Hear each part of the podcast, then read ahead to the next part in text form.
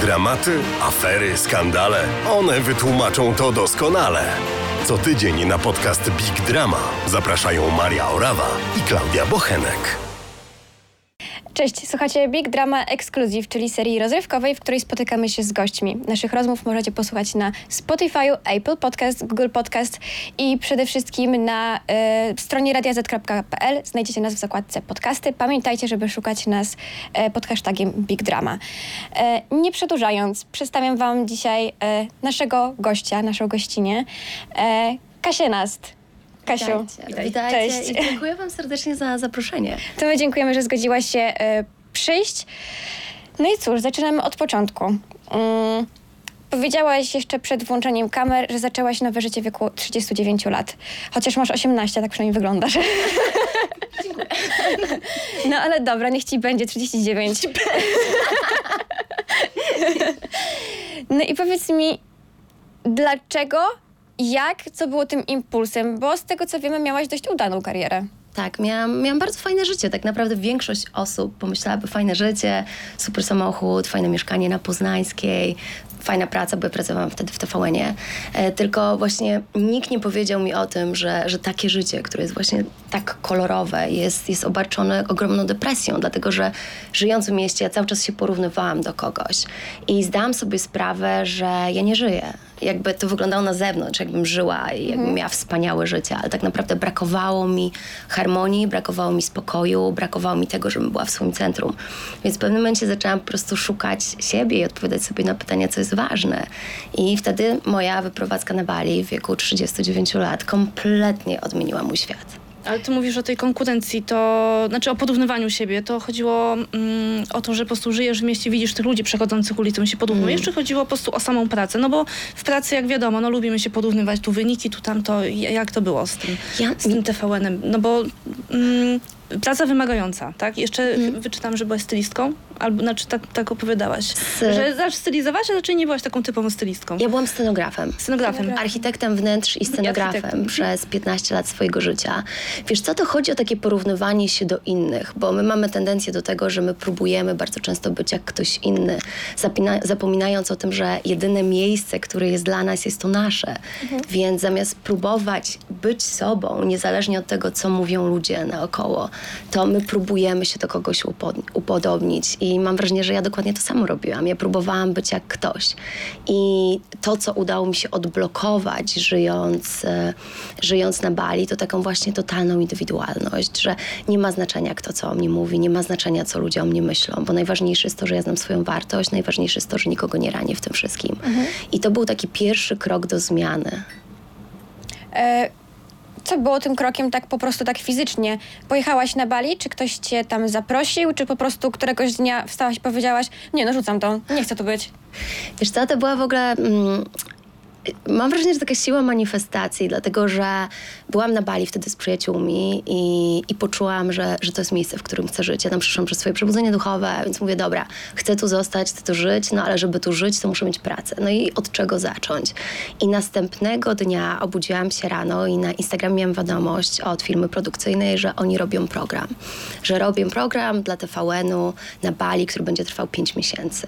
Ja I- wiemy, który. tak, tak, tak, tak, tak. I czy ja bym się zgodziła być u nich scenografem. I od tego to się wszystko zaczęło, że ja się przeprowadziłam z nimi na Bali, ale już z intencją, tak naprawdę sprzedałam wszystko, co miałam w Polsce, zostawiłam tylko mieszkanie i przeprowadziłam się na Bali z intencją, żeby tam zostać, żeby tam żyć, no ale wydarzyła się pandemia po drodze. No i świat się odwracał, wszyscy Polacy zostali ściągani do, do Polski różnymi samolotami ewakuacyjnymi i wtedy był to był pierwszy taki moment, kiedy ja postawiłam na siebie i powiedziałam nie. Dlatego, że oczywiście mój szef w drodze bezpieczeństwa, bo on się mnie martwił, powiedział, że ja muszę cię ściągnąć do Polski. Ja powiedziałam nie, ja nie wracam. I to był pierwszy moment i tych momentów takich przełomowych było ileś w moim życiu, ale to był jeden z nich. A taki drugi, który ci zapadł w pamięć? E, myślę, że ceremonia łaski. to jest taki moment, że, mm, no bo to jest plant medicine, tak? I ja z ayahuaską siedziałam w Peru i to wiesz co, to wygląda trochę tak, jakbyś patrzyła na swoje życie przez dziurkę od klucza i cały czas widzisz to, co widzisz w obrębie tej dziurki od klucza. I medycyna powoduje to, że ktoś ci otwiera nagle drzwi. Więc jak otwiera ci drzwi, to widzisz cały bałagan, który jest, bo to nie jest piękne, jak ci otwierają. To jest tak, że na początku to jest trudne, ale ty żyjesz z tym bałaganem, tylko nie masz tego świadomości. Więc teraz w momencie, kiedy otworzyłam sobie drzwi, no to mogłam dopiero przyjrzeć się tym wszystkim momentom, kiedy pochylam się w stronę tego, że wchodzę w rolę ofiary, albo wchodzę w rolę oprawcy, albo jakieś różne mechanizmy inne powodują, że zachowuję się tak, a nie inaczej. A nie bałaś się tego rytuału? No bo wiesz, różne opinie y, krążą w sieci, że to jest, może być niebezpieczne dla, dla człowieka. No zależy, czy to się robi na własną rękę, czy na przykład, wiesz, y, z lokalsem tak zwanym, nie? Ja no. uważam, że tego typu medycyn nie powinno się robić na własną rękę, że powinno się mieć szamana, który mhm. przeprowadza cię przez cały proces. I to jest ogromna ceremonia, bardzo piękna. To, czego można się bać, to to, że, że zmienia się świadomość, że zaczynam widzieć więcej. I na ile mam gotowości, żeby zobaczyć więcej. Bo czasami ludzie nie chcą. To jest tak, że nieraz jesteśmy w takim ciemnym tunelu i gdzieś tam jest to światło i najtrudniej jest wstać i iść w stronę światła, bo niektórzy postanawiają zostać w tym swoim mroku, bo łatwiej jest kogoś obwiniać, bo wtedy mogę powiedzieć, to jest twoja wina. Mhm. Ja bym tutaj chciała zaznaczyć dla naszych słuchaczy i widzów, e, że tego typu medycyna i ayahuasca e, powinna być, tak jak Kasia wspomniała, brana pod czyjąś kontrolą, kontrolą szamana i to też e, nie jest rozwiązanie waszych problemów. Pamiętajcie, że musicie być na to też gotowi psychicznie, najpierw skontaktować się z psychiatrą, ponieważ to nie jest tak, że to zmieni wasze życie. Musicie e, jednak mieć w tym wszystkim wsparcie, dlatego tego no, nie polecamy, żeby y, tutaj szukać rozwiązań. Absolutnie, to jest rozwiązanie dla osób, które są gotowe. E, po pierwsze, po drugie, trzeba to robić w miejscu tak, jak ja czuję, w miejscu, które jest, w którym to jest legalne. Mhm. Ja uważam, że nie należy pracować z medycynami w miejscu, w którym jest to nielegalne. Z jakichś, z jakichś powodów też one nie są legalne. E, może to i dobrze, dlatego że nie oszukujmy się, to są jeszcze takie substancje, które wprowadzą, wprowadzają nas w psychodele. Osoby, które dajmy na to, chorują na schizofrenię e, albo e, mają głęboką depresję i myślą, że w ten sposób znajdą rozwiązanie swojej choroby, mogą wpaść w jeszcze gorsze e, problemy. Mogą po prostu mieć tak zwanego bad tripa, tak? I nie wszyscy z tego wychodzą.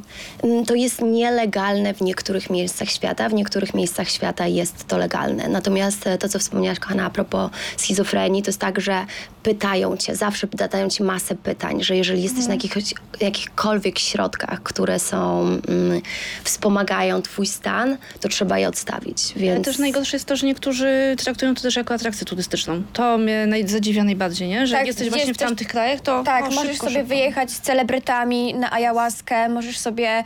E, to, to jest takie trochę biznes turystyczny się zrobił, tak, tak to wygląda. Jak, jak wszystko, ja myślę, że to jest tak, że są dwie strony zawsze różnych rzeczy, tak? Mamy tą dwie strony medalu, że z jednej strony może być to medycyna, może być to coś, co mi pomaga, a może to zrobić krzywdę w momencie, kiedy jest zaserwowane w nieodpowiedni mhm. sposób, w nieodpowiednich sytuacjach, przez nieodpowiednie osoby. Właśnie, no dobra Kasiu, e, miałaś to przebudzenie, mm, zostałaś na Bali po tym, jak program się skończył. Co zrobiłaś dalej? Jak wyglądała Twoja praca? E, jak zaczęłaś w ogóle ten rozwój duchowy? Gdzie szukałaś szkoły, nauki? Bo teraz też udzielasz, e, robisz kursy. Warsztaty. Tak, warsztaty. Gdzie się tego uczyłaś? Ile czasu ci to zajęło? I, i w ogóle, no jak do tego doszłaś? Dobra, więc najpierw odpowiem Ci na pytanie, co się wydarzyło po tym, jak zostałam na Bali. Więc ja byłam wtedy w związku, rozstaliśmy się i to był taki moment, że ja kompletnie nie wiedziałam, co zrobić ze swoim życiem. Nie miałam oszczędności, e, nie wiedziałam tak naprawdę, kim jestem. Wszystko mi się rozpadło i w takich momentach pomagają posty. E, I ja postanowiłam zrobić sobie taki post, który będzie trwać 6 dni. To jest post na wodzie kokosowej i tak dalej. E, I zaczęłam być na tym poście i nagle się okazało tak, że zaczęłam mieć ogromną klarowność dotyczącą swojego życia i wszystkiego, co mam robić. Więc pomyślałam, zobaczę, zobaczę jak długo będę w stanie w tym wytrzymać. Mm, byłam pod opieką e, health nutritioners, czyli takich coachy zdrowia, więc cały czas oni mnie badali i tak naprawdę ten mój post przyciągnął się do 53 dni. I Tutaj po- podkreślmy w tym momencie, że przez cały ten czas byłaś pod opieką Tak. specjalistów, którzy Tak. kontrolowali twój stan zdrowia. Abs- Żeby to podkreślić dla naszych widzów, e, że też post nie rozwiąże waszych problemów. Tak, i zdecydowanie nie powinno się tego robić tak po prostu, że z dnia na dzień decyduję tak, idę na post, tylko do tego jest całe przygotowanie. Zrobiłam badania krwi, w trakcie robiłam tak samo, żeby sprawdzić, czy na pewno wszystkie wartości odżywcze są w moim organizmie na, na poziomie, który powinien być. Natomiast ten post mi się przyciągnął do 53 dni. Gdyby ktoś mi powiedział, że nie będę jeść 53 dni, to powiedziałam, że to w ogóle nie jest możliwe. Dlatego, że kiedyś uczestni- uczestniczyłam w Vision Questie i Vision Quest to jest takie... Mm, znowu takie, takie wydarzenie, doświadczenie, gdzie idziemy samemu do lasu, jest tipi w, w oddali zbudowane, gdzie oni trzymają ogień i jedzą za ciebie, natomiast idzie się samemu do lasu, buduje się okrąg średnicy 3 metrów i siada się w tym okręgu. Ja miałam 5 litrów wody tylko, więc to był pierwszy raz, kiedy przez 5 dni jadłam. I siedzi się w tym kręgu przez 5 dni i 5 nocy bez namiotu, bez ognia, bez światła, tylko tak naprawdę ze swoim dziennikiem. I to było najtrudniejsze ze wszystkich doświadczeń, przez które do tej pory mi przeszło przyjść, bo nagle mam, miałam wrażenie, że wszystkie pytania, które ja sobie po drodze gdzieś zadałam, a pozostały bez odpowiedzi, tam wszystko się rozjaśniło. E, I to jest, to jest mocne doświadczenie, na to też trzeba być gotowym. E, natomiast piękne doświadczenie, bo w ogóle natura, no natura była zawsze tutaj, tak? My potem na, w pewnym momencie jako ludzie się pojawiliśmy. Natomiast tyle jest odpowiedzi w momencie, kiedy jesteśmy w stanie nawet iść do parku czy, czy do lasu i po prostu przez chwilę pobyć bez telefonu, bez drugiego człowieka i żeby usłyszeć swoje własne myśli, bo my bardzo często zagłuszamy własne myśli, uciekamy od tego, co jest, uciekamy od emocji. I to często dzieje się w przypadku bólu. Jeżeli czujemy ból fizyczny, to bierzemy środki przeciwbólowe, żeby odciąć się od tego bólu. Jeżeli my czujemy ból emocjonalny po rozstaniu, no to też zamiast tak naprawdę usiąść i przeczuć ten ból, to wchodzimy w jakąś nową relację albo rozkojarzamy się alkoholem czy innymi No używkami. nie umiemy przebywać sami ze sobą po prostu. Bo trzeba się nauczyć, tak jak ja czuję, że, że jest ogromna różnica pomiędzy byciem samemu a samotnością, bo bardzo łatwo jest wpaść w takie poczucie, że jestem samotna, ale tak naprawdę zawsze jesteśmy ze sobą. I, i ja wybieram świadomie, teraz mając lat 42, ja wybieram świadomie, że te momenty, kiedy, kiedy mogę być sama ze sobą, to są wspaniałe momenty, bo, bo wtedy ja mogę robić co chcę, mogę czytać co chcę, mogę się rozwijać i poświęcać ten czas tylko i wyłącznie sobie, nie, nie rozkojarzam się z różnymi innymi rzeczami. A jak wybierasz, e, bo mówisz o takich rytuałach, tak, różnych takich rzeczach e, i ciężko jest to chyba zdefiniować jako jedną wiarę, jako jedną kategorię, no bo nie powiemy, że jesteś buddystką, nie powiemy, że jesteś chrześcijanką, tak, bo to jakby nie jest to. Może bardziej są to takie mm, słowiańskie, coś w tym stylu przypomina te, te, tego typu rytuały.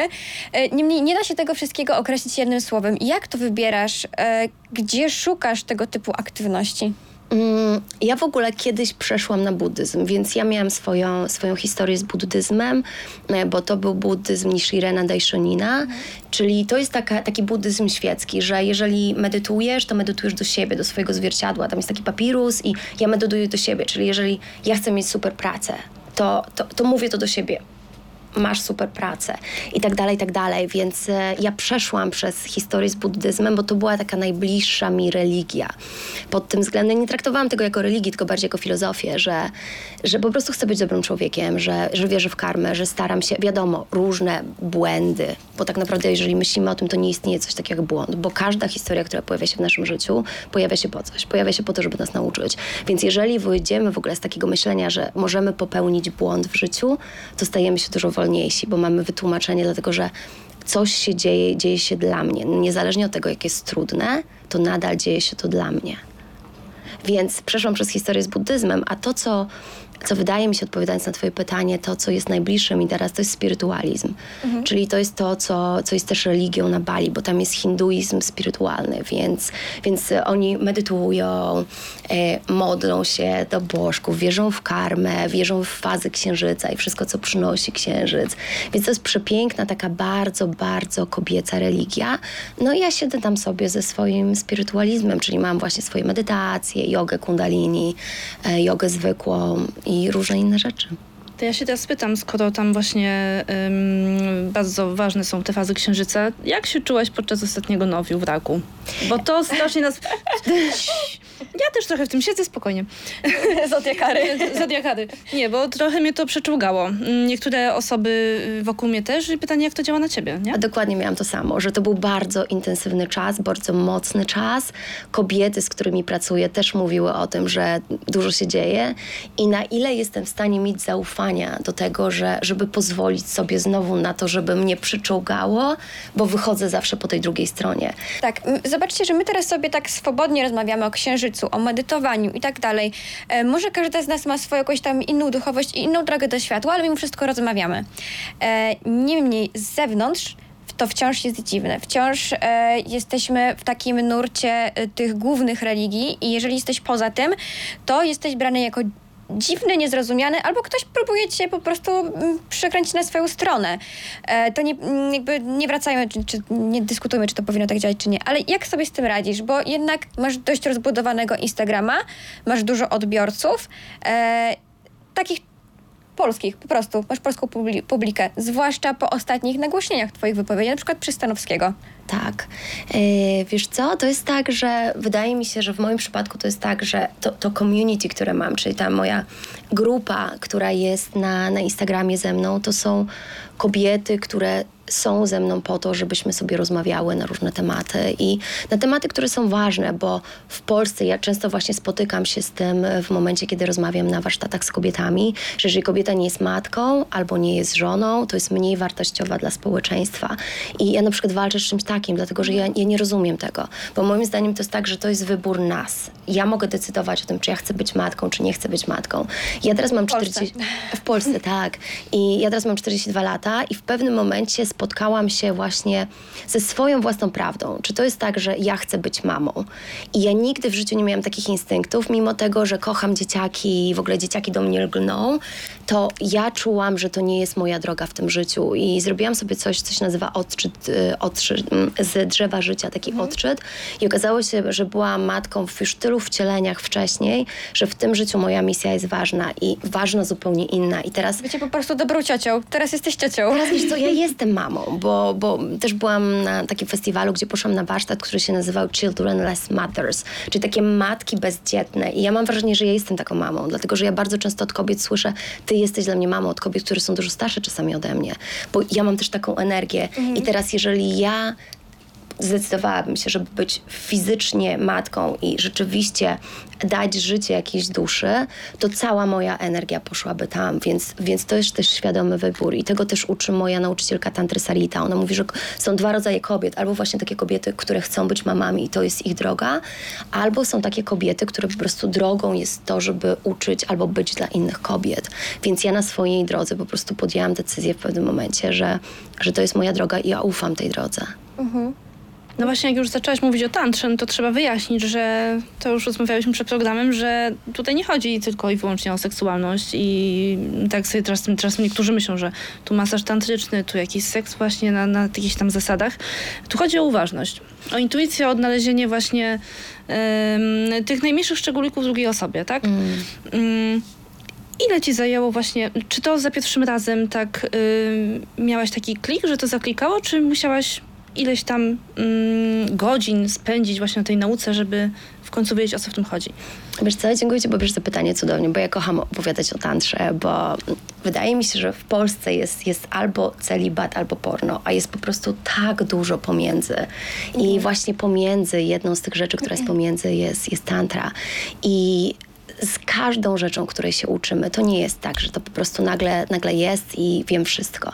To jest proces, więc tak samo jest z miłością do siebie, z duchowością, z czymkolwiek. Jeżeli chcę się nauczyć grać na gitarze, to biorę gitarę i próbuję, i próbuję, i mi nie wychodzi, nie wychodzi, aż w pewnym momencie coś tam zacznie wychodzić, aż w pewnym momencie mam tak, że zaczynam grać.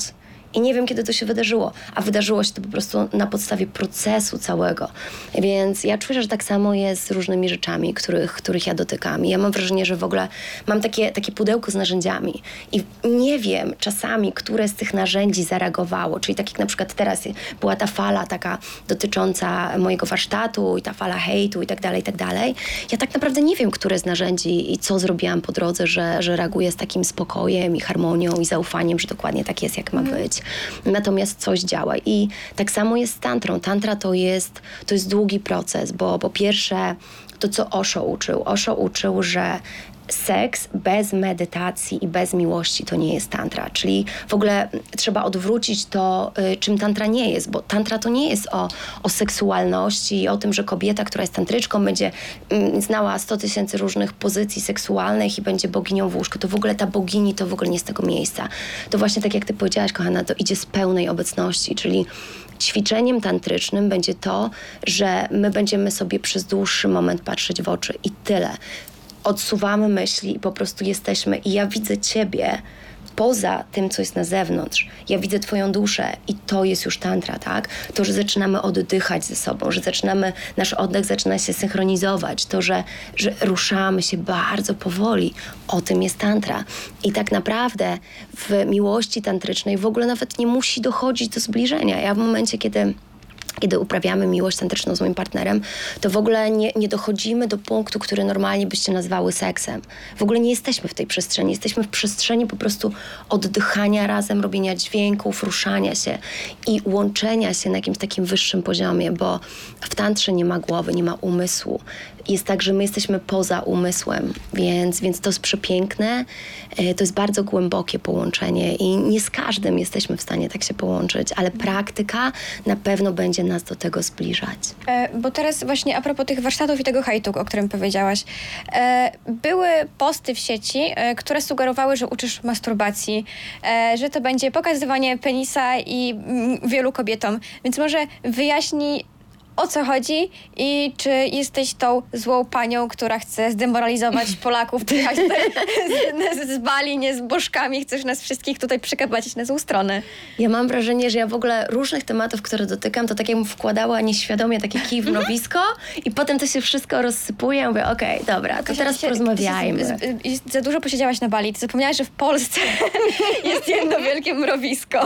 Ale może właśnie jest tak, że jestem na tym Bali po to, żeby robić swoją własną pracę, bo ja cały czas się uczę, ja cały czas się dokształcam i po to, żeby później móc być tutaj w przestrzeni polskiej, bo ja kocham wracać do Polski i żeby móc o tym mówić z wielką odwagą, bez, bez wstydu też o wielu rzeczach. Mhm. Więc odpowiadając na samo pytanie do, dotyczące warsztatów, po pierwsze, gdybym pewnie wiedziała, że to się tak rozejdzie, to, to zrobiłam mały paragraf dotyczący tego, jak wygląda... To jak wygląda...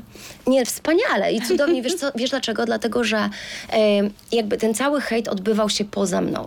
Mhm. To, co się wydarzało na moim Instagramie, to jest takie, może dostałam, nie wiem, z cztery wiadomości, które były negatywne. Bo twoje community po prostu jest takie y, otwarte na to. Oni wiedzą, kogo obserwują i, i jakby są okej okay z tym, tak? Wiedzą, na co patrzą. Myślę, tak. I ja myślę, że dostałam, wiesz, taką, taką mm, pochodnię, żeby nieść i mówić o seksualności kobiet, bo seksualność kobiet jest zupełnie, zupełnie inna niż wydaje się często mężczyznom. Więc e, wracając do samego masażu. E, to jest taki masaż po pierwsze, mm, w którym mężczyzna nie ma się podniecić. To w ogóle nie ma być o tym, że, że on ma się podniecić. To ma być masaż, który go zrelaksuje. I teraz dlaczego ja w ogóle chciałam dziewczynom pokazać? Dlatego, że my bardzo często jako kobiety wchodzimy do przestrzeni intymnej z mężczyzną i co się dzieje? Oddajemy swoją moc bardzo często wydarza się tak, że mężczyzna nas łapie za włosy, że to jest wszystko bardzo wulgarne, za szybkie, a, a kobiety często tego nie lubią i nasze ciało zostaje straumatyzowane. I potem ja, pracując z kobietami, wyciągam je z tej traumy, żeby one zaczęły na, na nowo ufać mężczyznom. I tu mówimy nawet o relacjach, że one są ze swoimi e, partnerami na przykład 10 lat, ale na samym początku związku udały coś, że udały orgazm i potem w tym udawaniu są przez 10 lat i potem te małżeństwa zaczynają się rozpadać, bo ta kobieta po prostu nie chce mieć intymności ze swoim partnerem. Więc ten masaż jest o tym, że my jako kobiety, my możemy nadać tempo. Mężczyzna bardzo często będzie dążyć do tego, żeby było jak najszybciej. I też porno, to co, co, co pokazuje, tak, to, to jest zakłamany świat. To nie jest prawdziwe, to nie jest intymność, jaka, jaka jest piękna i pełna miłości między ludzi, ludźmi. To jest, to jest porno, to jest szybkie. I teraz e, w tym masażu kobieta nadaje tempo całemu, całej tej inicjacji, która się dzieje pomiędzy nią a mężczyzną. To jest tak, że jest e, ubrana jak bogini, może mieć na sobie jakiś, nie wiem, przepiękny przepiękne e, kimono. I teraz zaczynamy siadając między kostkami mężczyzny i po prostu bardzo powoli podnosimy mu energię, czyli ja po prostu przejeżdżam dłońmi coraz wyżej do kolan i to jest tak naprawdę o tym, żeby podnosić energię. I jeżeli mój partner podczas takiego masażu, ja widzę, że on ma za dużo energii skumulowanej w lingam, to teraz ja będę tą energię rozprowadzać. Ja nie pozwolę mu na to, żeby właśnie on eksplodował, bo to nie o tym. To właśnie chodzi o to, żeby to wszystko się odbywało z pełną z pełnym spokojem i żeby kobieta została w swojej mocy, pomimo tego, że daje przyjemność mężczyźnie. Ale między, między wami to też jest takie troszkę przełamanie intymności i to takie spore, no bo masz, masz widownię, nie? Ale Sporą. wiecie co, my też e, rozmawiamy i bym chciała to po- podkreślić, że Polacy nie byli gotowi i to jest świetne e, No. określenie na tę sytuację, dlatego że u nas poziom edukacji seksualnej jest bardzo niski. E, u nas kobiety, mężczyźni tak samo, nawet w długich związkach czy krótkich związkach nie potrafią rozmawiać o seksie. To wciąż nas zawstydza. Widzimy siebie nago, ale wciąż mamy jakiś wstyd. I nagle pojawia się kobieta, która mówi o intymności, masażu i tak dalej, e, stawia ten krok jakby dwa schodki wyżej wchodzisz, tak? My nie mamy tych pierwszych schodków, tego, żeby umieć ze sobą rozmawiać, tego, żeby się otwierać, przytulać, dotykać i tak dalej. E, a ty to wyprzedzasz, więc dlatego może taka była reakcja, a nie inna, bo my nie jesteśmy na to gotowi. My nawet nie mamy, znaczy my, u nas edukacja seksualna wygląda tak, że dzieciaki same sobie podają informacje, szukają w sieci. N- Nie mówimy o tym otwarcie, że seks istnieje i ludzie to robią. To jest grzech. Nie można tak. I jeszcze wiesz co, to co znajdujemy w sieci nie ma żadnego filtra. Czyli my tak naprawdę nie wiemy, co do tych dzieciaków dociera, jak, na, jak oni budują sobie tą, tą intymność i te pierwsze interakcje później mogą wynikać z jakiegoś takiego miejsca bardzo niezdrowego. Więc ja dlatego chcę robić warsztaty. I na przykład u mnie na, na warsztatach robimy, bo ja pracuję z kobietami i, i tak czuję, że to jest moja droga. I wygląda to tak, że mm, spotykamy się, to jest rytuał, więc spotykamy się w przestrzeni, są same kobiety, mamy na środku mandalę zrobioną z kwiatów, palą się świece, kadzidła i ja wprowadzam dziewczynę w medytację i w takie połączenie z ciałem, bo możemy się połączyć z ciałem przez oddech, przez dźwięk i przez ruch, więc sobie zaczynamy się łączyć ze swoim ciałem i potem jest taki moment, kiedy ja e, daję wybór kobietom, że zaczniemy ściągać z siebie ubrania i zostańcie albo w kostiumie, albo w bieliźnie, albo w samych majtkach. Jak czujecie, możecie się rozebrać do naga. Niech to będzie wybór każdej z Was. I też nakłaniam do tego, żeby kobiety nie patrzyły jak inne, bo to jest znowu, na ile ja jestem w stanie sobie pozwolić, bazując na to, na ile inni sobie pozwalają, a na ile jestem w stanie zostać w swojej prawdzie i zobaczyć, co jest moje. Więc, więc to jest taki moment, że zaczynamy ściągać z siebie ubrania. Ja proszę dziewczyny, żeby zamknęły oczy i ściągamy, wiecie co, tak jak takie stare warstwy. Bo m, my jako kobiety, mężczyźni też, ale my jako kobiety nosimy bardzo dużo wstydu różnego rodzaju. Tematy związane z okresem. Jeżeli się wydarzy tak, że, że nie wiem, mamy krew na sukience, no to, to po prostu to jest fala wstydu nas zalewa, a to jest, to jest nasze podejście, tak? Więc my w ten sposób powielamy ten pater, uczymy tak nasze córki, tak? Bardzo często to, że mamy wstyd związany z naszym ciałem. Więc to jest taki przepiękny rytuał, gdzie my możemy ten, ten wstyd z siebie ściągnąć, tak jakbyśmy ściągały każdy element, to ja nakłaniam dziewczyn do tego, żeby myślały o tym, jaką, jaką część tego wstydu, jaką warstwę z siebie ściągają. I ja podaję taką metaforę, tak jak są insekty i ten insekt w pewnym momencie jest taki za mały, nie? I ma ten pancerz, to on tak po prostu wychodzi z tego, z tego mm, pancerza po to, żeby, żeby zacząć dorastać. No i czasami jest... Tylki. Tak, na przykład, no. I czasami jest tak w życiu, że po prostu ta skorupa, w której sobie żyjemy, te wszystkie warstwy i maski, które mamy na sobie, nie pozwalają nam na to, żeby otworzyć te skrzydła. Więc to jest taki moment, że ja mogę to wszystko z siebie zrzucić. Mm, I to jest, to jest przepiękny rytuał. I większość e, kobiet rozbiera się do naga i potem ja daję miseczki takie właśnie z gliną, z płatkami róż i my stopniowo, bardzo powoli zaczynamy tą glinę swoje własne ciało nakładać. I wiecie co, to, mm, to jest taki dotyk, tak, mm, tak jak rozmawiam z dziewczynami, właśnie prowadzę je w tym, że to jest taki dotyk, jakbyście chciały być dotykane. Bo my jako kobiety, my, my często nie chcemy być dotykane w sposób seksualny. My nie chcemy, żeby mężczyzna właśnie dawał nam tą energię seksualną ognia. My czasami po prostu chcemy, żeby to było delikatne, żeby to było powolne.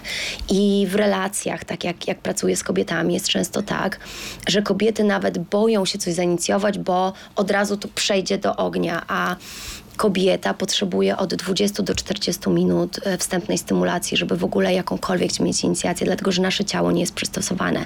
Więc jak będziecie chciały, możemy o tym za chwilę porozmawiać, natomiast wracając do rytuału, jest tak, że najpierw zaczynamy nakładać glinę na siebie, potem e, dziewczyny są łączone w trójki, zaczynają nakładać gliny jedna na drugą i to jest właśnie taki dotyk, wiecie co, siostrzany. To jest taki dotyk siostrzany, pełen akceptacji, e, pełen miłości i to jest tak przepiękny rytuał, bo, bo też bardzo często jest tak, że kobiety się wzruszają. Dlaczego? Dlatego, że one nie doświadczyły takiego dotyku, nie, dość, nie doświadczyły dotyku, który po pierwsze idzie z takiego miejsca, że ja ci tylko daję, ty nie musisz mi dawać nic w zamian, bo my też kochamy dawać jako kobiety, a zapominamy o tym, że, że, że branie jest tak samo istotne. Więc to idzie z takiego miejsca, że, że ja ci po prostu daję, jestem tutaj dla ciebie i to jest dotyk pełen akceptacji i mieliśmy taką w ogóle przepiękną historię kiedyś na warsztatach, ja nie mówię często, dlatego że to jest, to jest fajna historia, bo była dziewczyna, która jechała do nas na warsztaty mm, i jedna dziewczyna jakby dotknęła ją w samochodzie, prowadziła i tak ją delikatnie, to ona powiedziała, nie dotykaj mnie. I to powiedziała też w kręgu otwierającym, że ona ma problem z dotykiem, że ma problem w relacji z mamą z dotykiem, że zawsze to miała i u niej to idzie z bardzo głębokiej traumy i ona nie chce, żeby być dotykana i nie chce nikogo dotykać. I postawiła to jasno. Więc jakby my znamy te wszystkie granice, jesteśmy razem w kręgu, no i potem jest ten moment tego rytuału gliny i mało tego, że ona się rozebrała do naga, to w pewnym momencie ona stała po środku, a my w 50 osób, bo ona tego chciała, a my w 50 kobiet, bo to był taki bardzo duży warsztat, teraz warsztaty mają gdzieś po 20 kobiet, wszystkie dotykałyśmy jej. I ona po tym warsztacie, słuchajcie, zaczęła masować. Ona w ogóle przekierowała swoją profesję, zaczęła masować, czyli teraz tak naprawdę pracuje z dotykiem. Więc są to, jest to rytuał, który jest przepiękny. Kobiety uleczają się na tak głębokim poziomie. I fajny był też moment, jak siedziałyśmy kiedyś w kręgu, właśnie w tym takim zamykającym ten krąg nasz, rytuał gliny. I jedna z dziewczyn mówi właśnie, że, że moja przyjaciółka, że, że wszystkie jesteśmy ulepione z tej samej gliny. I to jest piękne, że jeżeli patrzymy na drugą kobietę, to nie patrzymy na nią jak na zagrożenie, bo my też często mamy tak, że patrzymy na drugą kobietę jak na zagrożenie. A to jest tak, że kobieta, która siedzi koło nas, może być dla nas wsparciem, jeżeli my przekierujemy swoją uważność na to, że wierzymy w to, że ona ma być wsparciem. Bo teraz, jeżeli ja się będę bała, że nie wiem, że mojego partnera ktoś poderwie, że kobieta inna mi zabierze mojego partnera, to takie kobiety będę przyciągać do swojego życia. Ja mam takie pytanie, czy ty, Kasiu, sama te rytuały wymyślasz? Czy e, ty się gdzieś tego nauczyłaś? Czy to wynika z jakiejś e, wiedzy psychologicznej? Skąd to się w ogóle wzięło? Znaczy, bo ty mówisz, że właśnie to kilka lat y, temu przeszłaś tą, tą przemianę duchową. Czy Tak. ty właśnie... Mm, A już nauczasz innych, więc tak, jakby... czujesz się na siłach, że no nie wiesz, no inni mają przed nim kilkanaście lat doświadczenia, kilkadziesiąt i czy ty się czujesz jako taka stara, dobra ciocia, która już ma w sobie przez tak krótki czas zdobyła tyle mocy, że może właśnie... Smarować y, gliną. My- Najpierw odpowiem na pytanie dotyczące Więc rytuał gliny, ten, o którym ja mówię, po, pochodzi od Many, od takiej mojej takiej spirytualnej siostry z, z Bali, e, która jest Amerykanką. I ja sobie go zmodyfikowałam, zapytałam ją, zapytałam, czy mogę z Polkami u nas robić ten rytuał. Ona powiedziała, że jak najbardziej, tylko zawsze mów źródło, że, że to jest ode mnie. Więc ja jak siedzę z kobietami na początku w tym otwierającym kręgu, to mówię właśnie, że to jest rytuał, który pochodzi od Many. E, natomiast e, odpowiadając dalej na, to, na twoje pytanie dotyczące tego, czy ja czuję się na siłach, żeby uczyć. Więc w Polsce jest tak, żeby być coachem, to trzeba mieć papier, że jest się coachem.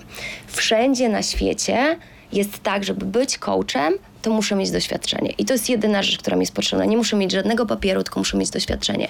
Więc ja dlatego świadomie nigdy nie mówię o tym, że jestem coachem w Polsce. I zresztą jakby tak już mi weszło, że po prostu, że jak gdzieś tam, nie wiem, pracuję z kobietami, tak? Natomiast ja nie powiem, że jestem coachem ze względu na to, że potem ktoś mówi, nie jesteś coachem, bo nie masz, dokumentu na to. Więc nawet się zastanawiałam ostatnio, czy po prostu dla świętego spokoju nie zrobić tego certyfikatu, żeby wszystkie osoby, które mówiły, że a, nie jesteś coachem, żeby, żeby już jakby mieć to, to z głowy. Natomiast czuję się na siłach. Ja bardzo długo w ogóle miałam tak, że ja nie, nie do końca wierzyłam w to, coś w sensie miałam taki self-doubt, czy nie wierzyłam w swoją własną moc, pomimo, że kobiety uwierzyły we mnie i wybrały mnie na liderkę, żeby pracować z innymi kobietami, ale to był jeszcze moment mojego życia, że ja sama nie wybrałam się na tą lider- liderkę. I zaczęłam różne robić warsztaty właśnie z Awaken Leadership, czyli jak być takim em,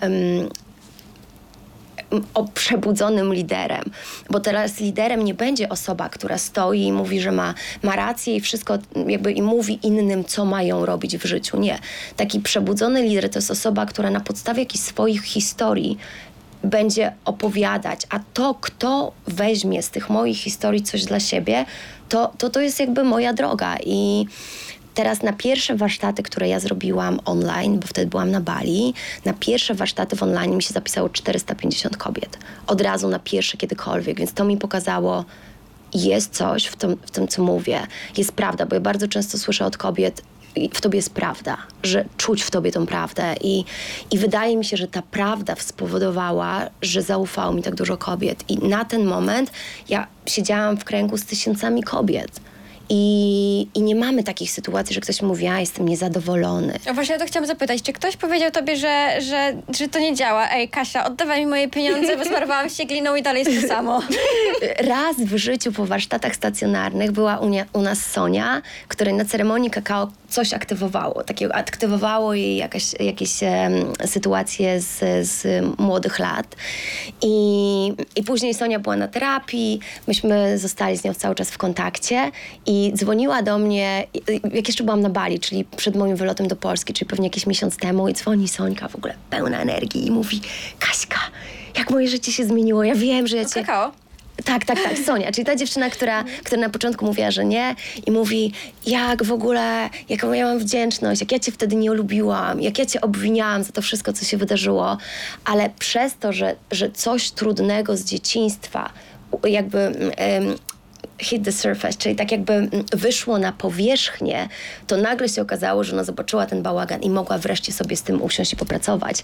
I Sońka powiedziała, że ma tak ogromną wdzięczność za to, co się wydarzyło, dlatego że ona kompletnie zmieniła swoje życie. Jest, jest pełną energii kobietą, gdzie, gdzie wcześniej sama, jak mówi o sobie, ona, ona nie miała energii. Ona cały czas chodziła tak, jakby miała taki bagaż na plecach. A nagle jest tak, że po prostu wreszcie, wreszcie żyje pełną życia. Relacje z mężem jej się zaczęły poprawiać. Zaczęły mi przysłać zdjęcia, gdzie podróżują. Ona w ogóle w jakichś letnich sukienkach. Więc to była jedyna kobieta, która rzeczywiście mm, wróciła. Natomiast ja Soni zapytałam wtedy, ja mówię, Sonia, co by spowodowało, żebyś się czuła bezpieczniej? Bo niezależnie od tego, że ten proces u niej zakończony i ma wdzięczność, co by spowodowało, żebyś czuła się bezpiecznie? Ona powiedziała, fajnie, gdyby był psycholog e, na, mm, u was na warsztacie. I na początku była ze mną e, Zuza, moja przyjaciółka, która jest psychologiem, a teraz na warsztatach mieliśmy psychologa i mieliśmy psychotraumatologa, też Zuza zresztą. E, I pomimo tego, że Zuza jest też jedną z uczestniczek naszych warsztatów, ale sam fakt, że tam jest, to powoduje, że możemy jeszcze głębiej wejść w różne procesy. Jest bo... ktoś, kto coś uratuje jakby jakąś sytuację, tak? Wiesz Trudno. co, ja czuję w dużej, w dużej mierze, że, że ja jestem w stanie przepracowywać różne rzeczy z kobietami, bo ja też pracowałam z traumą. Ja, ja, nie mówię, wiecie co, ja bardzo często nie mówię a propos różnych certyfikatów, kursów, które skończyłam, bo tak jak mówię, ja nie wierzę w certyfikaty jako takie, ja wierzę w doświadczenie. Mhm. Więc ja jestem w stanie pracować z traumą, bo po prostu pracowałam z tym, uczyłam się tego, jak reagować. Natomiast ja jestem w stanie zareagować w dużej przestrzeni, ale mając właśnie taką Zuzę, która ma wykształcenie, która pracuje, jest, jest fajnie i dziewczyny czują się też bardziej bezpiecznie i ja mogę zabrać je w jeszcze głębsze miejsca. A nie boisz się odpowiedzialności? W sensie e, otwarcie mówisz o tym, że jednak pracujesz na doświadczeniu, nie na papierach, e, pracujesz, na, pracujesz na doświadczeniu, a co jeżeli ktoś na przykład, komuś coś naprawdę się stanie, nie? W sensie od komuś, że tak powiem brzydko, no wiesz, odwali. E, i, I co wtedy? Bo pracujesz tak stosunkowo niedługo, więc może się coś zadziać. Tylko my tak pracujemy na, na naszych warsztatach. My robimy breathwork, czyli oddychanie. To jest, e, tak, po polsku to się chyba nazywa e, holotropowe oddychanie, czyli my mm. pracujemy, bo jestem też trenerem oddychania. Więc pracujemy z oddychaniem, mamy rytuał gliny, mamy różnego rodzaju medytacje. To nie jest tak, że świadomie wchodzimy w traumę że są różne ustawienia hellingerowskie, gdzie wiadomo, że tych traum będziemy dotykać częściej, będziemy, będziemy wchodzić w te przestrzenie, więc ja nie pracuję z narzędziami, które celowo mają dotknąć tematów traumy. My możemy uwalniać z ciała różne rzeczy, dlatego że nasze ciało bardzo dużo trzyma. Czyli jeżeli my przeżyłyśmy coś w dzieciństwie, nie wiem, mamy jakiś lęk i nie wiemy, dlaczego mamy ten lęk. Mogło się wydarzyć coś, coś w dzieciństwie. Teraz poprzez praktykę breathworku, czyli tego oddychania i to jest, to jest, mm, to jest doświadczenie, które trwa mniej więcej około dwóch godzin i, i różne rzeczy dzieją się u nas na, na breathworku. Była kobieta, która, e, która się jąkała i jąkała się bardzo długo, a nagle po sesji oddechowej jest tak, że, że zaczęła się jąkać mniej. Bardzo dużo rzeczy się wydarza przepięknych. Jeżeli ktoś nie doświadczył takiej, mm, takiej sesji, to też trudno to, to tłumaczyć, tak? No bo to jest tak, że to jest medycyna, która jest w nas. No bo tak, możemy sobie korzystać z ayahuaski, możemy korzystać z różnych rzeczy i to mówi się o tym, że to jest droga taka trochę szybsza, nie? Ale tak naprawdę poprzez oddech, poprzez medytację ja jestem w stanie dojść do tych miejsc. Tylko po prostu zajmie mi to więcej czasu. Natomiast e, sesje oddechowe, no to jest, to jest petarda. I to jest medycyna, którą my mamy, tylko my oddychamy bardzo płytko. I teraz nasze ciało bardzo często jest nie w pełni dotlenione. Jest Tak, tak, że zapominamy o oddychaniu. Zapominamy, ale jest kolejna rzecz, jako kobiety wciągamy często brzuch. I jest tak, że jeżeli gdzieś idziemy i są mężczyźni, to ja wciągnę ten brzuch. W sytuacjach intymnych wciągam brzuch.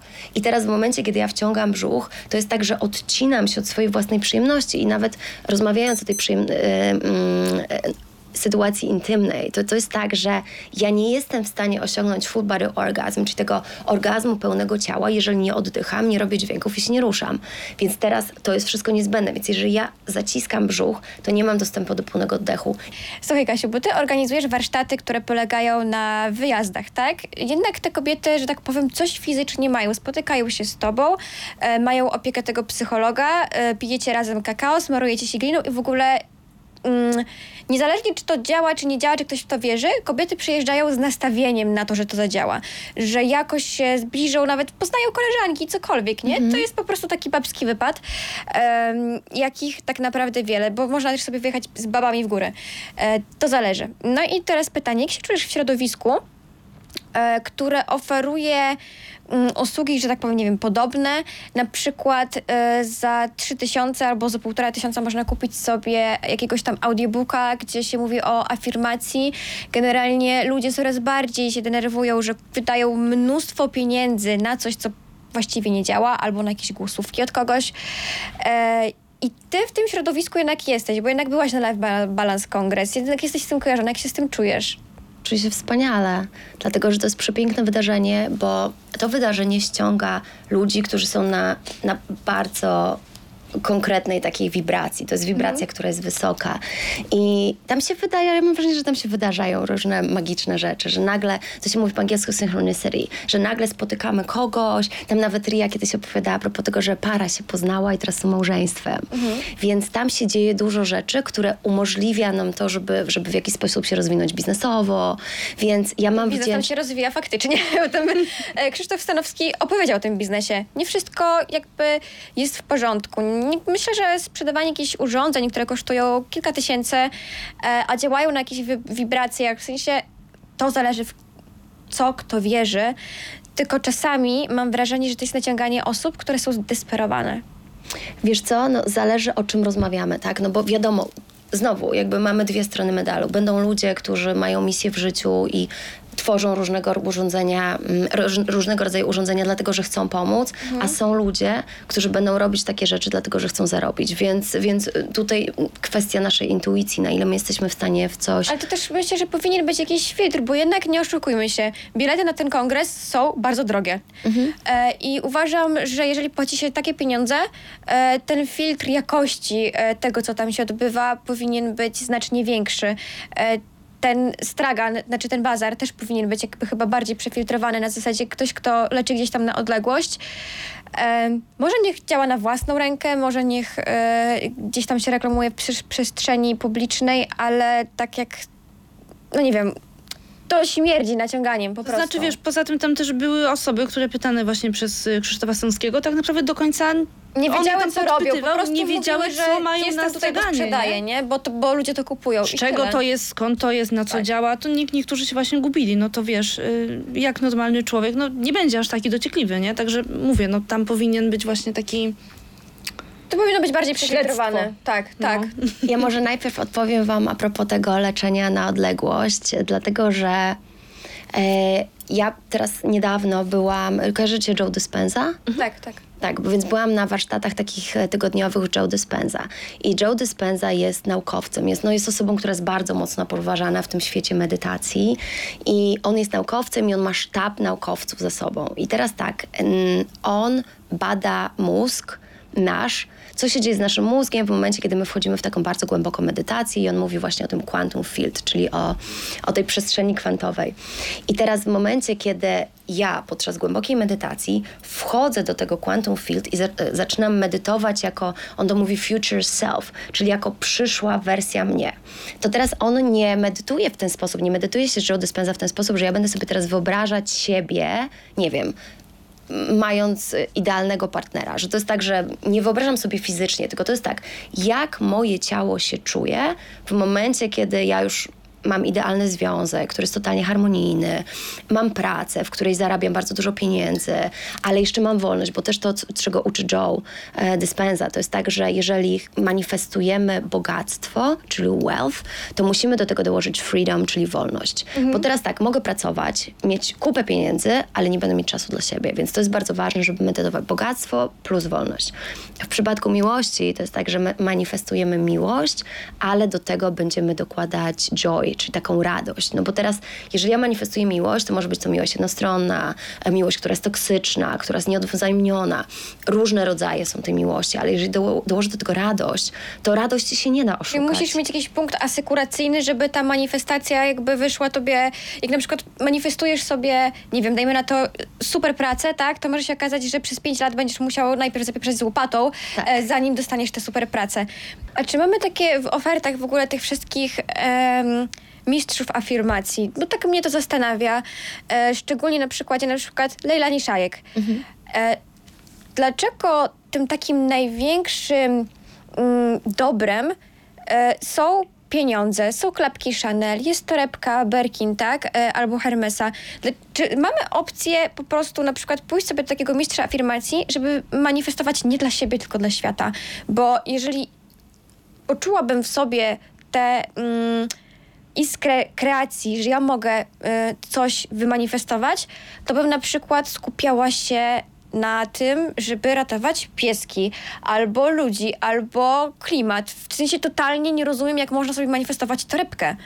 To, jeżeli czujesz się bosko, dlaczego manifestujesz torebkę? Bo ludzie myślą, że za pieniądze możesz sobie kupić wszystko, wiesz, im więcej dóbr materialnych, Ale to, nie chcę tym czujesz się wiesz- lepiej, chociaż wiesz, niektórzy też idą w relacje w różne nie, rzeczy, nie? jakby rozwój społeczeństwa to jest O. odpowiedzialność jakby taka zbiorowa. Porzucasz jednostkę i dbasz o, też o ziemię, o naturę. Dlaczego tego nie manifestujemy? No to pytanie do osób, które manifestują torebki Chanela i inne torebki. Bo pomimo tego, że mnie stać na to, żeby kupić sobie klapki Chanela, ja nigdy w życiu ich nie kupię. Dlaczego? Bo nie mam takiej potrzeby. No. Ja mam tak, że ja się ubieram w większości i kupuję rzeczy w second handach. Więc ja nigdy nie mam potrzeby związanych z, z rzeczami materialnymi. Dlatego, że mi to nie sprawia przyjemności. To jest tak, że e, ja mam wrażenie, że że żyję w takim świecie it's bigger than me, czyli to, co ty powiedziałaś, że ja bym chciała, żeby ludzie się szanowali, żeby zwierzęta nie siedziały w klatce, żebyśmy wreszcie nauczyli się, że mogę mieć ze sobą butelkę, że nie muszę po prostu wiecznie kupować e, butelki plastikowej, które później się rozkłada. Ja sprawdzałam ostatnio, ile się rozkładają poszczególne, poszczególne przedmioty z plastiku zrobione. I mnie to boli. Mnie to boli, że ludzie nie mają świadomości. A ja tak naprawdę nie mam żadnego wpływu na to, co inna e, kobieta będzie manifestować. Tak, to jest jej. I też ja nie chcę mieć na to wpływu, bo, bo to jest jej życie. Bo my też się nauczyliśmy, że my bardzo chcemy wpływać na życie innych ludzi. I jeszcze wracając do, bo nie odpowiedziałam na pytanie dotyczące jakby warsztatów i ceny i tak dalej, i tak dalej. To jest tak, że ja bardzo dużo inwestuję w siebie, więc w ogóle mam wrażenie, że to wszystko, ten cały proces z tymi warsztatami, że u mnie to, to jest po prostu takie koło. Że teraz tak, kobiety idąc do mnie na warsztat, inwestują w siebie, ale inwestują też we mnie. Dzięki czemu ja po takich warsztatach mogę jechać na warsztaty Joe Dispenza, czy mogę zrobić Expand the Box, czy różne inne treningi. To są, to są drogie rzeczy, słuchajcie, to są rzeczy, które płacę czasami po 4000 dolarów. Więc to jest tak, że dlaczego nie kupuję klapek Chanela? Dlatego, że chcę zainwestować w warsztat. I teraz, jeżeli ja nauczę się na tym warsztacie jakiejś rzeczy, to później mogę to wsadzić z powrotem w warsztat, który prowadzę z kobietami. Czyli mamy coraz więcej tych narzędzi. Czyli w momencie, kiedy zaczynamy warsztaty, to nie będą warsztaty, u mnie warsztaty nigdy nie są e, zaprojektowane tak, że, że po prostu mamy plan i dokładnie idziemy po planie. Nie. Dlatego, że różne rzeczy się dzieją. I tak jak mm, robiłam jedne warsztaty, na których kobieta po raz pierwszy dotknęła tematu em, przemocy na tle seksualnym jako, jako dziecko. I pierwszy raz dotknęła tego. Więc ja reaguję momentalnie. Więc poprosiłam wszystkie kobiety, żebyśmy stanęły w kółku, bo ona czuła się tak, że pierwszy raz w życiu po tylu latach dorosła kobieta, że pierwszy raz na głos powiedziała, ona nie- nawet jej partner o tym nie wiedział. I ona pierwszy raz to powiedziała, więc ja mówię, okej, chodźmy razem, bo jej się wydawało, że ona sama z tym, że ona miała z tym ogromny wstyd związany. Stanęłyśmy w kręgu e, i zrobiłam z nim takie ćwiczenie, jeżeli ty tak jak ja. No i ja zaczynałam, że jeżeli ty tak jak ja miałaś depresję, wejdź do kręgu, bo ja miałam depresję i mówię o tym też otwarcie. I nagle się okazuje, że nie wiem, 90% kobiet wchodzi do środka. I mówię, popatrzcie na siebie, zobaczmy się. To nie jest powód do wstydu, to jest powód do dumy, bo stoisz teraz na tym warsztacie i masz w sobie siłę i moc, żeby coś zmienić. To nie jest tak, że siedzisz w domu pod kołdrą, jesz lody i po prostu zamęczasz się, że twoje życie się kończy. Nie, tylko w jaki sposób znalazłaś tą siłę i stoimy teraz razem. I przechodziłyśmy przez różne pytania. Tam jedna z dziewczyn powiedziała, że jeżeli ty tak jak ja miałaś próbę samobójczą, wejdź do kręgu. Znowu masa kobiet. Jeżeli ty tak jak ja miałaś problemy odżywiania, wejdź do kręgu. No i właśnie ta kobieta mówi, że jeżeli ty tak jak ja doświadczyłaś przemocy na tle seksualnym albo gwałtu, wejdź do kręgu. 51% kobiet weszło z grupy. Więc to pokazuje jakby jak to jest szeroki problem i że razem jesteśmy w tym silniejsi. A czy kobiety, które przychodzą do ciebie i mówią na przykład, że mają depresję, one próbują się u ciebie leczyć, czy jednak e, wspierasz je w tym, żeby korzystały z pomocy specjalistów? Większość kobiet, które do mnie przychodzi, jest już jakby poza depresją, czyli już wyszło, bo ja, mi to, co mi pomogło na depresję? Mi pomógł psycholog. Ja o tym otwarcie, jeżeli masz depresję, można medytować, ale jeżeli czujesz, że jesteś w takim miejscu, że nie wiesz, co zrobić dalej, mi pomógł psycholog. I ja znowuż ja nie powiem tej kobiecie, idź do psychologa, bo ja nigdy tego nie robię. Ja mogę powiedzieć, mi pomógł psycholog. A co jej pomoże, to, to każdy z nas decyduje. Słuchaj, nie boisz się, mm, czy w pewnym momencie nie padną ci baterie? Bo dajesz tej energii od siebie dużo, dużo nauczasz, masz dużo zajęć, sama jeszcze musisz się douczać, tak? Był ten twój przecież No. filmik słynny o movemencie, przecież No. masz jakiś plan, ulubiony Krzysztofa Stanowskiego. tak, masz jakiś plan B, jak ci padną akumulatory? Albo jak je podładujesz? Wiesz co, ja mam tak, że ja żyję bardzo mocno w chwili, bo to jest teraz tak, myślenie o przeszłości powoduje nas ból bardzo często. Myślenie o przyszłości powoduje nas lęk, a tak naprawdę tylko tu i teraz jesteśmy w stanie realnie coś zmienić. Więc jak wydarzy się tak, że po prostu padną mi akumulatory, tak jak mówisz, w którymś momencie, to, to wtedy będę się zastanawiać, co się wydarzy, jak padną.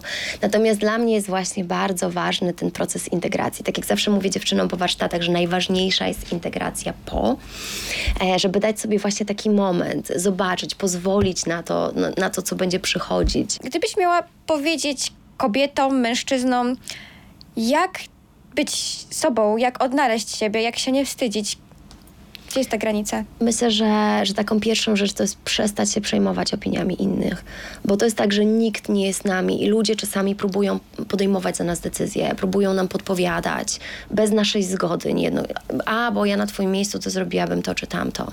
Więc ludzie próbują kierować nam nasz, naszym życiem bardzo często dlatego, że im jest niewygodnie z tym, kim my jesteśmy, co robimy, że coś triggeruje w nich. Jeżeli ja jestem osobą, która jest bardzo wolna i żyje wolno i idzie pod prąd, bo ja idę pod front i tak jak mówisz, nie boję się być sobą, mam odwagę, żeby ubierać się tak jak chcę, to komuś jest niewygodnie. A dlaczego? Tak jak z Krzysiem Stanowskim rozmawiałam, bo ja tak naprawdę po tej całym wywiadzie, który my mieliśmy na Live Balance Congress, ja mam wrażenie, obydwoje zresztą, mogę mówić teraz za siebie, że ja do tego gościa mam ogromną sympatię.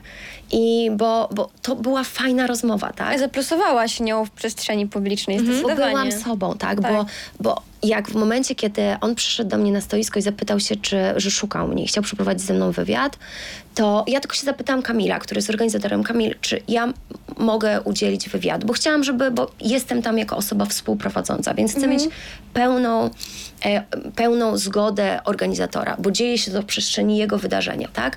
I on mówi, Kasia, ty, on, jest, on do mnie mówi siostro, ja mówię do niego bracie, mamy taką bardzo, bardzo bliską relację. On mówi, Kasia, żyjesz w swojej prawdzie i masz odwagę. Rób, mów co chcesz, ja w 100% mam do ciebie zaufanie.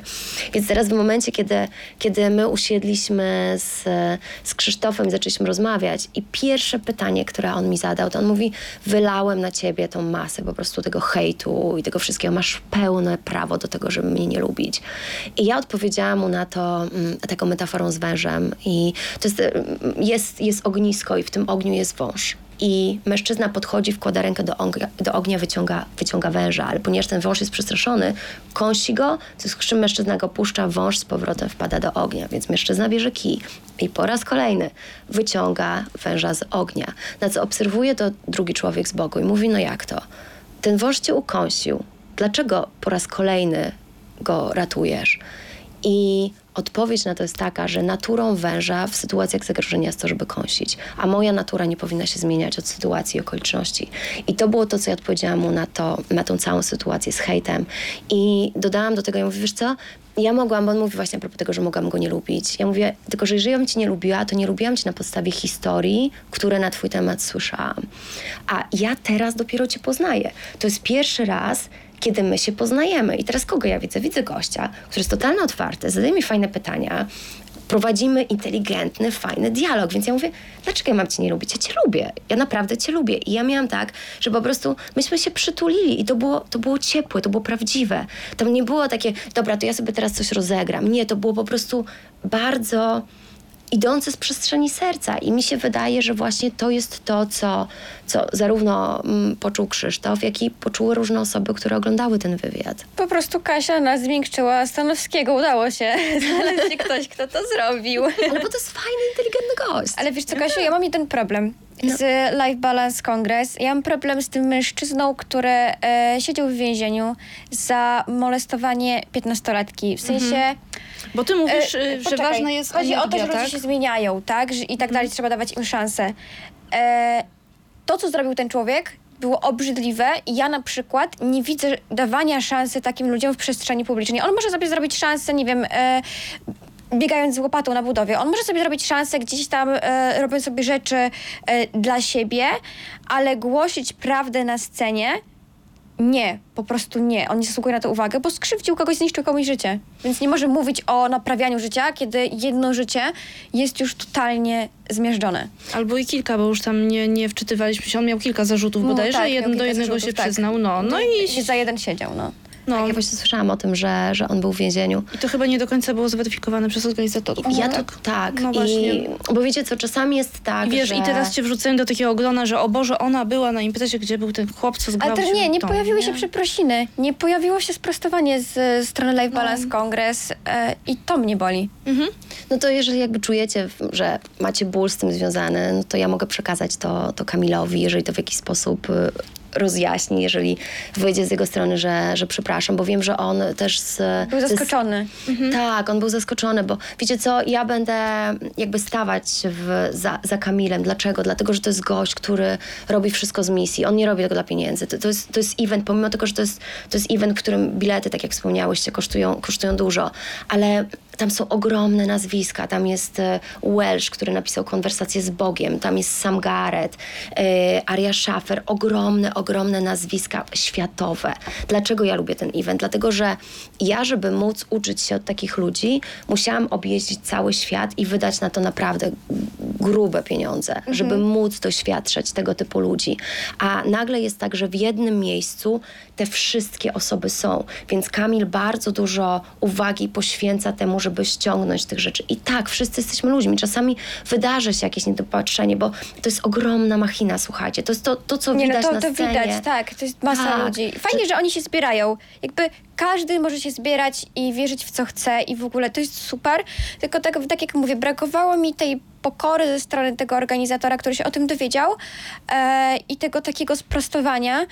Mm, bo tutaj nie można tłumaczyć kogoś, kto skrzywdził w taki sposób dziecko. Po prostu nie. Mm. No bo wiesz, E, wygrzebali to internauci, zwrócił na to uwagę Stanowski i tak naprawdę potem się wylało to całe szambo z tego, co odkryto i wiele osób myślało właśnie, że, że będzie Ja zawsze będę stawać po stronie kobiet, które są skrzywdzone i to one powinny mówić, jak naprawiły swoje życie, a nie mężczyzna, który tego dokonał i, i on będzie tutaj zgrywał kogoś mądrego. Nie zgadzam się na to. Jeszcze dostanie hajs.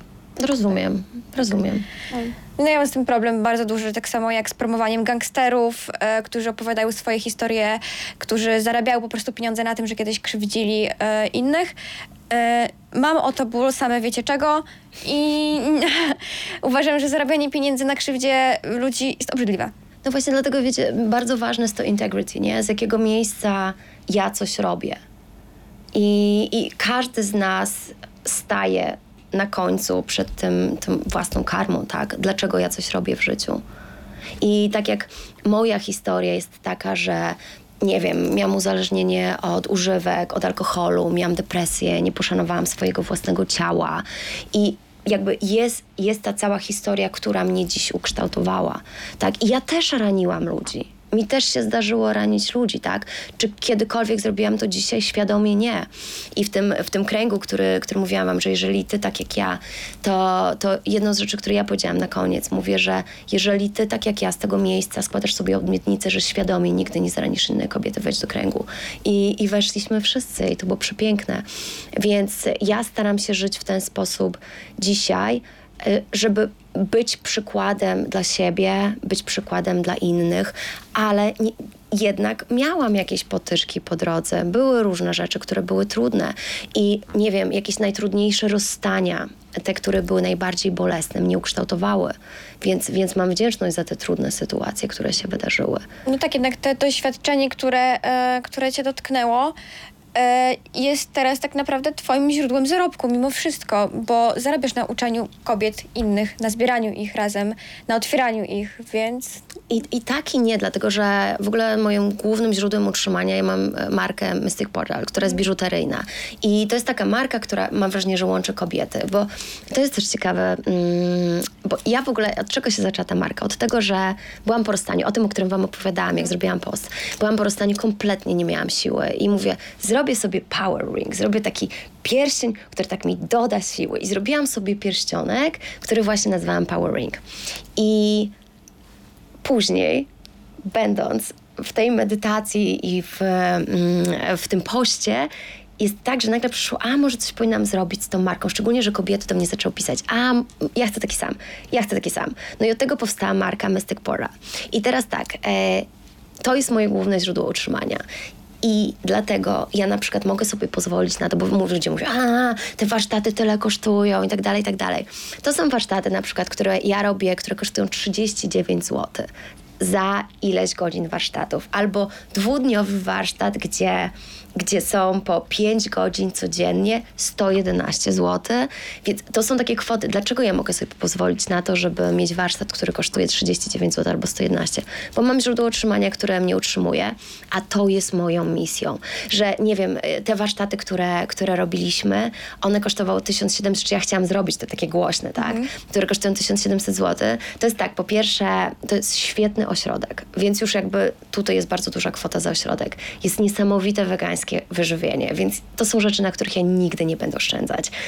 Kolejna kwestia. Ja ze wszystkiego się rozliczam, w związku z czym wszystko jest, e, płacę podatki, więc tak naprawdę z tej kwoty, która wydaje się na początku duża za warsztaty, które trwają trzy dni, ja realnie dostaję bardzo mało i jestem z tym ok, bo mam inne źródło utrzymania. I do tego też namawiam kobiety czasami, że e, jeżeli mają jakąś pracę, której nie lubią, to ja mówię, nie rzucajcie wszystkiego po prostu z dnia na dzień. Tylko jeżeli macie jakąś pasję, nie wiem, cokolwiek, lubicie robić bransoletki albo rysować, malować, to spróbujcie sobie to robić po prostu. Wstawcie na Instagram, gdziekolwiek, i może w pewnym momencie coś, co jest waszą pasją, zacznie się przekształcać e, w wasze źródło utrzymania.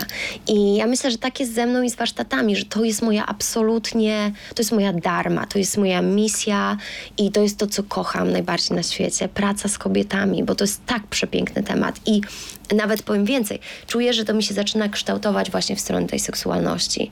I teraz będę robić warsztaty z Freją, która jest moją nauczycielką tantry. W ogóle ja pierwsze kroki w tantrze stawiałam w Polsce na kręgach kobiet tantrycznych, gdzie my właśnie patrzyłyśmy sobie w oczy, albo mas masowałyśmy sobie barki, albo dotykałyśmy swoich, swoich dłoni w taki bardzo delikatny sposób. I teraz zaprosiłam do, do współpracy Freję, która, mm, z którą będziemy robić taki warsztat, który nazywa się Kobieta Dlatego, że kobiety w bardzo dużym procencie nie są w stanie w ogóle przeżywać orgazmów. I pamiętam taką grupę, mieliśmy 50 kobiet. Ja się zapytałam, ile z was przeżywa orgazm podczas stosunku? I podniosły rękę może trzy albo cztery kobiety. Więc o czym to świadczy? A też, tak jak wcześniej wspominałam, u nas bardzo trudno w ogóle mówi się o seksie, więc myślę, że to, co robisz, na pewno będzie miało rozgłos. E, mm, I nie wiem, no ostatnio zostałaś oskarżona o naukę masturbacji. Ja wolałabym pojechać na takie warsztaty niż płacić 1300 zł za godzinę y, pierdzielenia Jak afirmacji. zostać mil- milionerem? W pięć- w- w- w- Zapraszam, w- kochanie, nie? teraz Serduszko. 11-13 sierpnia. O, ja wtedy jadę na spadające gwiazdy na Mazury. Pięknie. no. Ale to fajnie, że w ogóle jakby idziesz za, za rzeczami, które cię, które cię Nie, ciągną od, do ja od y, dzieciństwa jestem zafiksowana, jakby wiesz, kosmos, planety i tak dalej. No trochę ostatnio to porzuciłam, bo no, praca, praca. Ja Właśnie, właśnie. Że przerwę, mamy ponad półtorej godziny surówki. To jeszcze 10 minut. Damy radę. Dobra, to chyba kończymy. E, podsumowanie. Ja bym to podsumowała w ten sposób, że to jest piękne, że wszyscy możemy sobie szukać swojego światła na swój sposób. Możemy e, wyznawać islam, chrześcijaństwo, możemy pościć, e, o ile to jest tam zdrowe i tak dalej. E, możemy się smarować gliną. E, fajnie, że o tym dyskutujemy i chciałabym, mam takie życzenie, żeby zamiast wpychać sobie w usta czyjeś racje, to na przykład, żeby ktoś odmówił za kogoś różaniec. Ktoś inny wymanifestował komuś e, dobro, a jeszcze ktoś inny, żeby się wysmarował za kogoś innego gliną, tak? Żebyśmy w ten sposób e, manifestowali swoje wierzenia, a nie kłócili się, które jest lepsze. Tak bym chciała. I przepiękne i ja dokładam się do tego, bo, bo to jest przepiękna intencja, bo im bardziej my jesteśmy w przestrzeni tego serca i chcemy dobrze dla naszego przys- przysłowiowego sąsiada, tym ten świat staje się lepszy i dokładamy do... To jest taki, tak, taka energia tego kolektywu, więc ja myślę, że w ogóle takie, takie rozmowy, nawet jak teraz przeprowadzamy, to, to wiesz, jeżeli nawet opinia jednej osoby się zmieni po takiej rozmowie, to to już jest coś, nie? Że ktoś się zainteresuje, a może... Nawet nie zmieni, tylko wiesz co, zacznij szanować. Pomyśl sobie, o kurczę, jednak ta Kasia Nast to wcale nie pokazuje penisa swojego partnera wszędzie wszystkim. A ja tylko powiem nieśmiało, coś, coś, ja bardzo nieśmiało powiem, że przewróciło mi się trochę w głowie po tej rozmowie.